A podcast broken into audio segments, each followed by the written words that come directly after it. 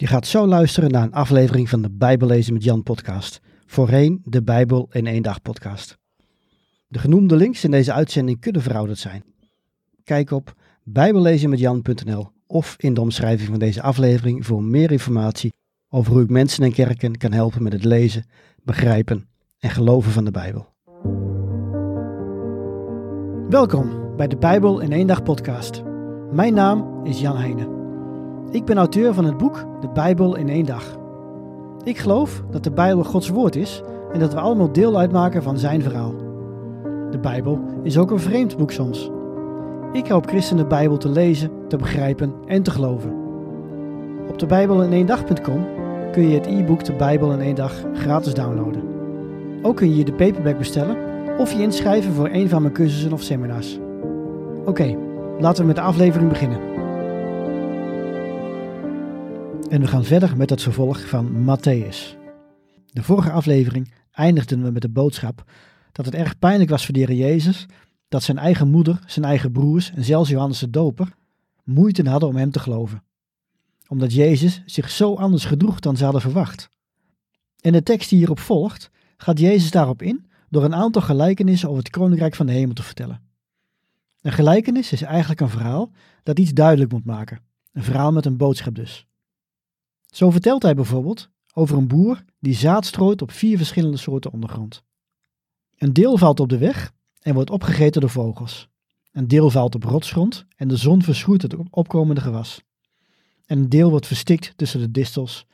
En het laatste zaad valt in vruchtbare aarde en groeit zoals het hoort.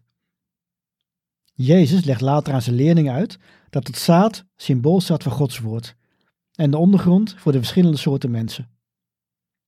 De duivel die krijgt de kans het zaad weg te roven. Of mensen reageren enthousiast, maar doen uiteindelijk toch niets met wat ze hebben gehoord. Of mensen laten zich zo afleiden door dagelijkse zorgen dat Gods woord geen kans krijgt. Gelukkig is er ook goede, vruchtbare grond. En deze mensen zullen vrucht dragen voor het koninkrijk. De impliciete boodschap van deze gelijkenis is dat alleen God de grond kan veranderen. Bid dan ook dat Gods woord in jouw leven als zaad in goede grond mag zijn. Toch begrijpen de mensen Jezus nog steeds niet echt. Hun beeld van de Messias is dat van een bevrijder. Iemand die de Romeinen het land uit zal zetten en het koninkrijk van David zal herstellen. Ze worden nog enthousiaster als Jezus tot tweemaal toe duizenden mensen te eten geeft. Voor hen is Jezus een profeet zoals Mozes, die ook het brood uit de hemel liet komen. Ja, dat deed ook niet Mozes, maar God eigenlijk. Maar Jezus gaat in Matthäus door met het doen van wonderen. Toch weet Jezus dat de meeste mensen, en dan vooral de godsdienstige leiders, hem diep in hun hart afwijzen. Ze geloven niet werkelijk in hem. Daarom stelt Jezus ook zijn leerlingen op de proef. Hij zegt: Wie denken jullie dat ik ben? En de leider van de leerlingen, Petrus, die geeft het goede antwoord. De Messias, zegt hij.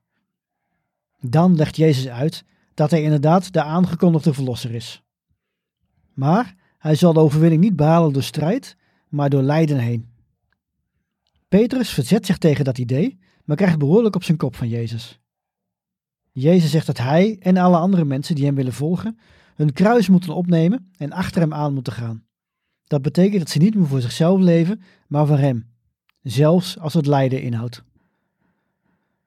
Vervolgens beschrijft Matthäus opnieuw een stuk onderwijs van Jezus over het koninkrijk van de hemel. Hij schudt zijn publiek goed door elkaar. Want bijvoorbeeld, in een tijd dat kinderen niet echt meetelden, zegt Jezus dat wie het koninkrijk wil binnengaan, juist moet geloven als een kind. En ben je een leider, dan moet je dienen. Is jou kwaad aangedaan, dan moet je geen wraak nemen, maar vergeven. Wil je rijk worden, geef dan je bezit aan de armen. Na dit onderwijs vertelt Matthäus waarom Jezus eigenlijk naar de aarde is gekomen en hoe hij voor onze zonde is gestorven. Eindelijk gaat Eva's nakomeling de slang vermorzelen. Maar dat kruipende dier met zijn gemene tanden zal hem in de hiel bijten. Het eerste wat er gebeurt is dat Jezus Jeruzalem binnenrijdt op een ezel, precies zoals dat in het Oude Testament wordt gespeld. Zo zou de Messias zijn entree maken. En de mensen zijn uitzinnig van vreugde, want ze verwachten dat het nu snel gedaan is met Romeinen. Maar Jezus verlaat de stad weer en hij brengt de nacht door buiten de stad. Vroeg in de ochtend gaat hij naar het Tempelplein om onderwijs te geven. Hij geeft de godsdienstige leiders er flink van langs.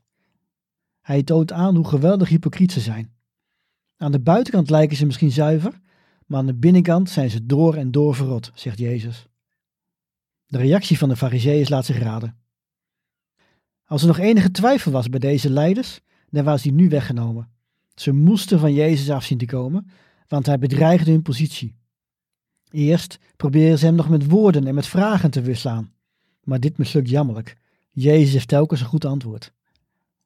Dus smeden ze een plan om hem te doden. Jezus raakt diep bedroefd. Niet omdat hij moet sterven, want dat weet hij. Hij is bedroefd omdat het overgrote deel van het volk Jezus afwijst. Hij kan ook in de toekomst kijken en hij ziet welk lot Jeruzalem wacht en dat de tempel opnieuw verwoest gaat worden. En dat zouden de Romeinen uiteindelijk doen in het jaar 70 na Christus, toen ze een opstand bloedig neersloegen. Maar Jezus die rouwt hier in de Bijbel al om de stad en het leed dat nog gaat komen. Nadat Jezus het tempelplein verlaat, geeft hij nog één keer onderwijs. Hij vertelt over de moeilijke tijden die de mensheid te wachten staan. Het gaat hier enerzijds over die oorlog tussen de Romeinen en de Joden, en anderzijds over de eindtijd. Oftewel, de jaren en dagen voor Jezus terugkomst op aarde. Er zullen veel tekenen zijn, maar wanneer God zijn koninkrijk definitief op aarde vestigt, kan eigenlijk niemand weten. Daarom, zo zegt Jezus, moet je altijd klaar zijn. Hij roept zijn leerlingen op om het goede nieuws van het koninkrijk van de hemel te blijven verspreiden. Op een avond, diezelfde week, viert Jezus het Pesachmaal met zijn twaalf leerlingen. Pesach is het Joodse paasfeest dat door God werd ingesteld de avond voordat Egypte werd getroffen door de tiende plaag. Alle eerstgeborenen in het land zouden sterven, ook die van de Hebreeërs, tenzij het bloed van een perfect lam op de deurposten zou worden geschilderd. En de Israëlieten aten die avond ongezuurd brood en vlees van het lam. Ieder jaar opnieuw moest het volk dit feest vieren om zo de bevrijding uit Egypte te herdenken. Maar tijdens de maaltijd van Jezus betrekt hij deze viering op zichzelf. Hij vergelijkt zijn bloed met de wijn die wordt gedronken en zijn lichaam met het brood dat wordt gegeten. Op diezelfde manier zou Jezus lichaam worden gebroken en zou zijn bloed vloeien. Tot vergeving van zonde, voegt Jezus daaraan toe. Tijdens die maaltijd gebeuren er nog twee opvallende dingen. Ten eerste zegt Jezus dat er een verrader in het midden is. Judas Iscariot, de penningmeester van het gezelschap, die wel eens wat geld achterover drukt. Hij had die dag al afgesproken dat hij Jezus in ruil voor 30 zilverstukken zou uitleveren aan de Joodse leiders. In die tijd was een slaaf 30 zilverstukken waard. Het tweede opvallende is dat Petrus te horen krijgt dat ook hij Jezus zou verraden en dat doet hij dan door driemaal te ontkennen dat hij hem kent. Die dappere Petrus kan zich dat gewoon niet voorstellen dat hij dat zou doen. Na de maaltijd gaat Jezus naar de hof van Gethsemane. Terwijl zijn leerlingen in slaap vallen, bidt hij driemaal tot zijn hemelse vader. Drie keer vraagt hij of hij de beker niet hoeft leeg te drinken. In het Oude Testament wordt regelmatig gesproken over de beker met Gods toren. Hiermee wordt bedoeld de straf die de zondige mens verdient omdat hij niet trouw is aan God. Jezus is dus helemaal niet bang voor de kruisdood, maar hij ziet er tegenop die beker van God leeg te drinken, die beker met zijn toren. Omdat het ten diepste betekent dat hij dan gescheiden zal zijn van zijn Vader in de hemel. Maar toch blijft hij trouw. Hij doet wat God van hem vraagt. Na zijn gebed maakt hij de elf leerlingen wakker en ziet dan de twaalfde leerling, Judas, met een groep gewapende mannen aankomen lopen. Judas verraadt Jezus met een kus. En de mannen nemen de Zoon van God met geweld mee naar het Sanhedrin. Dat is de raad van Joodse leiders. En ze beschuldigen Jezus van godslastering, maar ze mogen hem zelf niet te dood brengen. Daar hebben ze geen wettelijke bevoegdheid toe. Daarom gaan ze vroeg in de ochtend naar de Romeinse gouverneur Pilatus. Vanuit de Romeinse geschiedenis weten we dat Pilatus erg onder druk stond van Rome om de vrede te bewaren.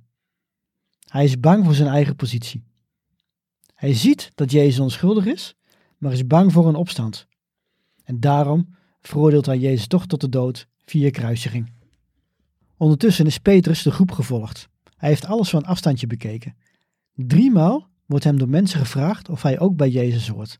En drie keer ontkent hij, precies zoals Jezus had voorspeld. De Romeinse soldaten, die gaan door met het martelen van Jezus. En daarna spijkeren ze hem bij zijn polsen en bij zijn voeten vast aan de kruis. Uiteindelijk sterft Jezus een langzame, uiterst pijnlijke verstikkingsdood. Op het moment dat hij overlijdt, scheurt het voorhangsel in de tempel en verschillende mensen staan uit de dood op. Jezus heeft de straf van de mensen op zich genomen. Zijn dood herstelt de relatie tussen God en mens, die was verbroken sinds Adam en Eva van een verboden vrucht aten. Toch is de overwinning nog niet volledig behaald. Jezus blijft drie dagen dood en dan staat hij op uit de dood. Hij verschijnt aan enkele vrouwen en later ook aan andere leerlingen. Zo bewijst hij dat hij weer leeft. Matthäus beschrijft de hemelvaart van Jezus niet letterlijk, maar vertelt wel wat zijn laatste woorden aan hem en de andere toehoorders waren.